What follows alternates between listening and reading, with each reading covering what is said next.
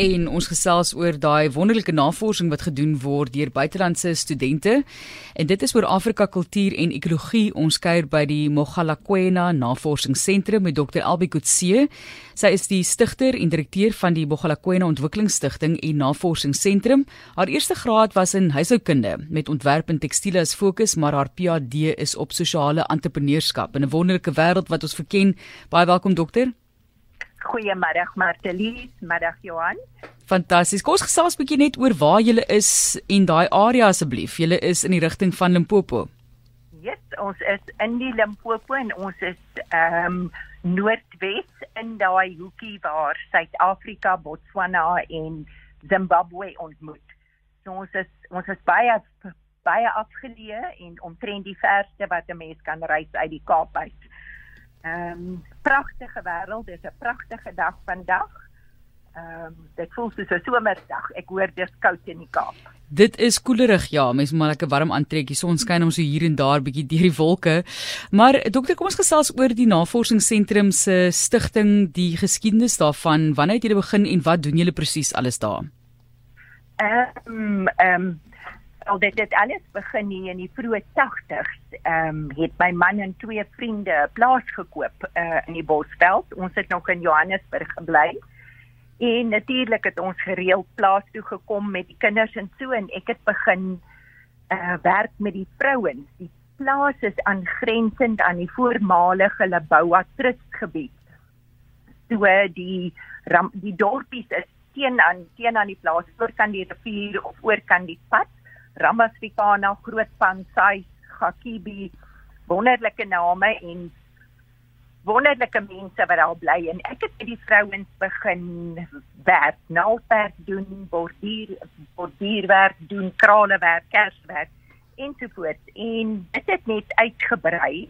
Maar as 'n mens so met mense oor 'n lang tydperk werk, dan sien 'n mens wat hulle eet. Ek het gesien wat is in hulle kosblikke vir middagete en vir my wat in die Kaap gebore en getoe is, was dit ehm um, interessante geregte. Ek het nie geweet hoe lyk 'n uh, mopani breedie vir 'n uh, mopani breedie op springkane en vleiende mure wat in 'n breedie gemaak is saam met pap nie. So ek het begin vra vra en dit begin dokumenteer, maar as gevolg van ehm um, 'n laag uh, geletterdheid in die omgewing, is dit maklik om prentjies te teken. So hulle prentjies geteken en dis begin borduur.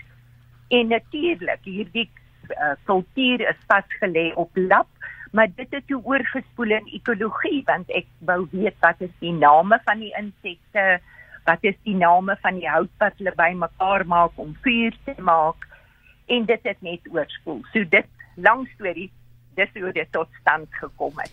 Ons gaan op 'n latere stadium juist met jou gesels oor daardie storie op Lab. Is 'n pragtige projek, maar kom ons gesels nou eers oor die studente wat van buiteland afkom en navorsing wil doen oor Afrika kultuur en ekologie. Hoekom stel hulle belang? Ek dink omdat dit so anders en interessant en ryk is. Daar is soveel fasette. As 'n mens kyk na die dieet, as 'n mens kyk na die materiale wat hulle oes ehm um, uit die omgewing om mandjies te weef, matte te weef. Ehm um, die kleure van krale wat hulle doen met krale.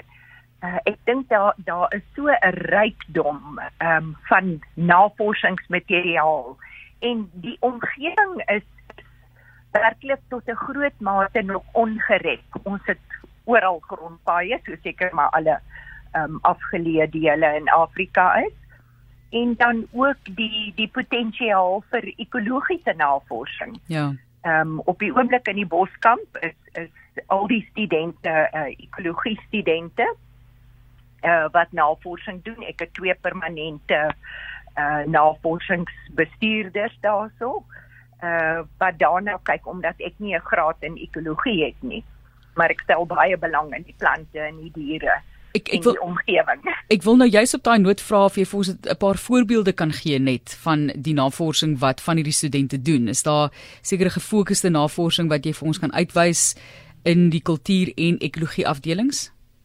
Ehm um, met betrekking tot die uh, kultuur is van mense wat kyk na die na die insekte wat geëet word in die area, weier area, word daar 27 verskillende insekte uh is is bron van voedsel vir hulle.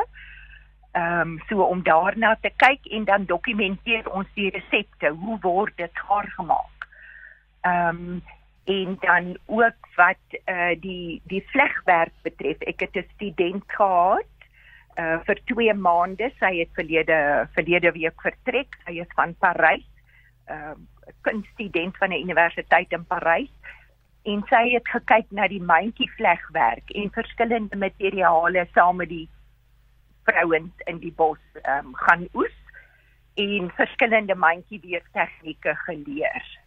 Nou die daar studente wat ook natuurlik navorsing doen oor die kameelperde, verskillende aspekte hulle sosiale gedrag um, of die kolle op die kameelperd se vel uh, invloed het op sy ehm um, op die manier waarop hy sy hitte reguleer. Ehm um,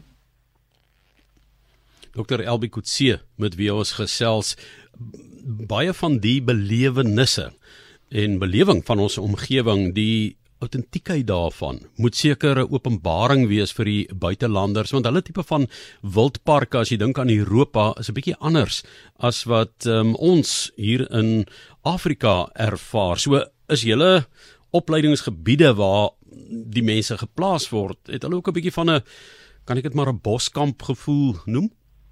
O ja, die studente word almal gehuisves in 'n boskamp uh, op die Mogalakwena reservaat. Uh, daar is ook 'n river lodge so dikwels as die ouers of die professore of dosente um, kom kuier of kom kyk hoe die navorsing gaan, dan bly hulle in die river lodge.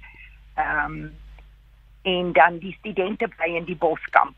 Ons kan op die oomblik 18 studente huisves. Ons het so net voor Covid was ons reg om uit te brei, maar ehm um, toe het ons 'n knou gekry en oorlewe en ons beplan nou weer om die om die akkommodasie en fasiliteite ehm um, te vergroot. Julle het ook... ons het geweldig navraag van studente.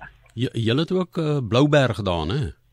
Blouberg is in die omgewing. Ja, as ek so oor die bome kyk en ek kyk bietjie hoog dan sal ek die Blouberg kan sien. 'n uh, Pragtige area, kultuurskat.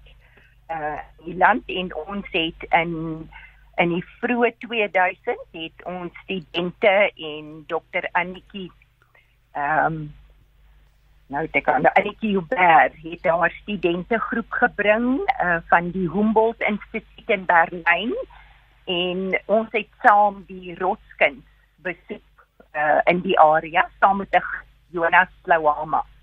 Uh, baie indrukwekkende um, man met baie kennis van die area.